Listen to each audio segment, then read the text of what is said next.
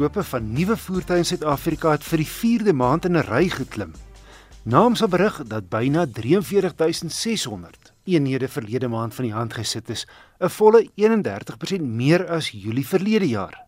Hoewel mens onmiddellik moet byvoeg dat verlede jaar se syfer erg gekortwiek is deur die onrus in KwaZulu-Natal, die kuberaanval op Transnet en natuurlik die COVID vlak 4 inperking.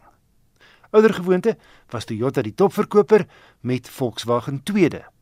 Suzuki in die derde plek het vir die soveelste keer 'n verkoopsrekord behaal met 4734 eenhede.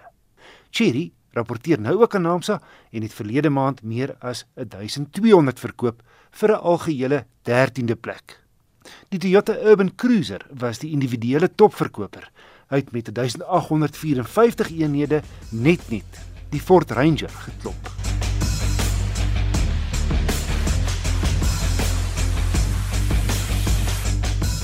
Die Suid-Afrikaanse Gilde van Mobiliteitsjoernaliste, waarvan ek ook lid is, hou volgende Sondag sy jaarlikse Kaapse pretrit. Die voorsitter van die gilde, Dirk Gallowitz, het meer besonderhede. Ons begin al die oggend 09:30 by die Franshoek Motormuseum en daarvan af uh, as al die motors nou al hulle plakkers en nommers en alles geregistreer is en uh, uh, daar's niks gedoen het, dan vertrek hulle daarvan af op 'n rit met 'n spesifieke kaart met 'n spesifieke klomp leidrade. Die doel van die rit is maar om geld in te samel. Ons begunstigdes is die Suid-Afrikaanse Gilde van Mobiliteitsjoernaliste se ek weet nie wat is benevolent, maar benevolent fonds en ook die Avril Elizabeth Holmes vir mense wat um, verstandelik gestremd is in elke motor is daar 'n bestuurder en 'n navigator en hulle moet maar baie goed saamwerk. Dit kan lei tot huismoleste as ma en pa mekaar nie lekker verstaan nie. Maar jy moet hierdie eh, leidrade volg om by die volgende eindpunt te kom en van die volgende eindpunt na die volgende eindpunt om uiteindelik so oor bykans 8 eindpunte 90 km af te lê wat baie baie pret beloof. Ek het hom gery en dit was veel moeiliker as wat ek gedink het, maar dit was ook veel meer pret as wat ek gedink het. Dirk, twee besondere motors gaan deelneem, eene BMW waarmee Ewold van Bergen destyds gejaag het en hy toevallig hierdie week 93 geword. Ja, oom Ewold is uh, 93 nog in goeie gesondheid, maar 'n uh, broos in terme van sy ouderdom. Maar uh, die die besondere storie oor hierdie BMW is daar's twee van uh, hierdie moet spesifieke modelle gebou is 'n model 319. Ek dink dit is 'n 1935 of 37 model as ek reg onthou. 39-1 dink ek het in Duitsland gebrei, maar 39-2 is ingevoer na Suid-Afrika toe as die eerste BMW in Suid-Afrika. Om ewel dit met hierdie motor aan 'n uh, nasionale baankampioenskappe deelgeneem en ook dan daai nasionale kampioenskap gewen. Die motor is oor 'n periode van 12 jaar deur die nuwe eienaar baie baie netjies gerestoreer. Hy lyk soos asof hy van die fabriek af kom. En ehm um, die eienaar het ingestem dat die motor deel kan wees van verjaar se pretrit.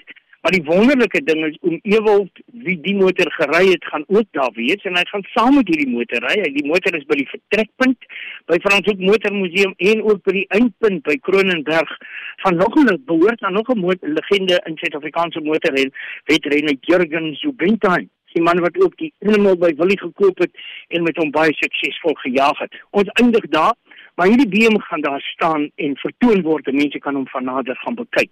Die tweede motor is net so besonder.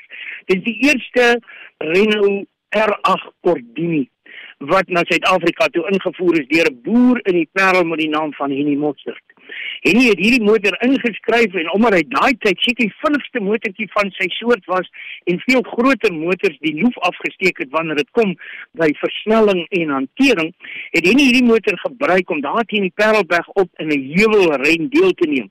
En vir 4, ek dink is 4, dit mag 5 jaar wees, het hy absoluut hierdie wedren met hierdie klein Renault gedomeineer.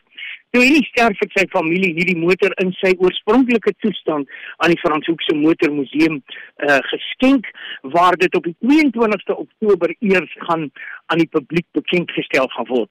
Henny se dogter is deel van ons administratiewe span die dag en die motor word ook aan ons um, deelnemers tentoongestel met die komplimente van Franshoek Motor Museum op hierdie môre. Gaan hulle na hom kan kyk. Die lekker ding is um, Wessel is 'n soortgelyke motor van die Renault Club in die Weskaap neem deel in dieselfde kleure en hy sien dit net so wit streep in.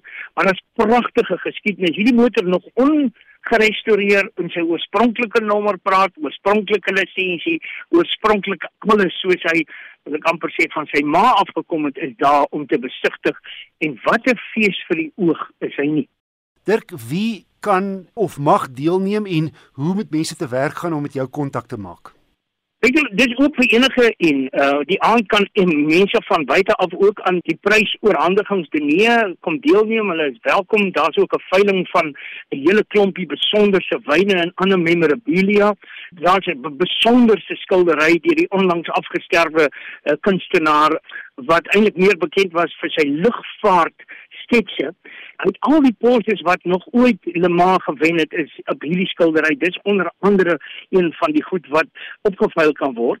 Ons gaan die veiling ook oopmaak vir vir mense wat aanlyn kan sien, kan deelneem en hulle is welkom om my te kontak. Maar die maklikste manier is op ons Facebookblad. Eh, die en hy's ongelukkig in Engels is Cape Annual Mystery Rally is hy daar die inskrywingsvorms is daar my kontakbesonderhede is daar en mense kan my gerus bel of die kantoor bel of 'n e-pos stuur van die e-posadresse wat daar is maar enige iemand is welkom. As hulle wil deelneem is daar inskrywingsfooi dis maar die fooi wat ons um, gebruik om die fondse te genereer ingesluit in die fooi al die versnapperinge op die pad en ook die aand se diner by die prysoorhandiging is ingesluit in die fooi Dirk Gillewitz, die voorsitter van die SA Gilde van Mobiliteitsjoernaliste.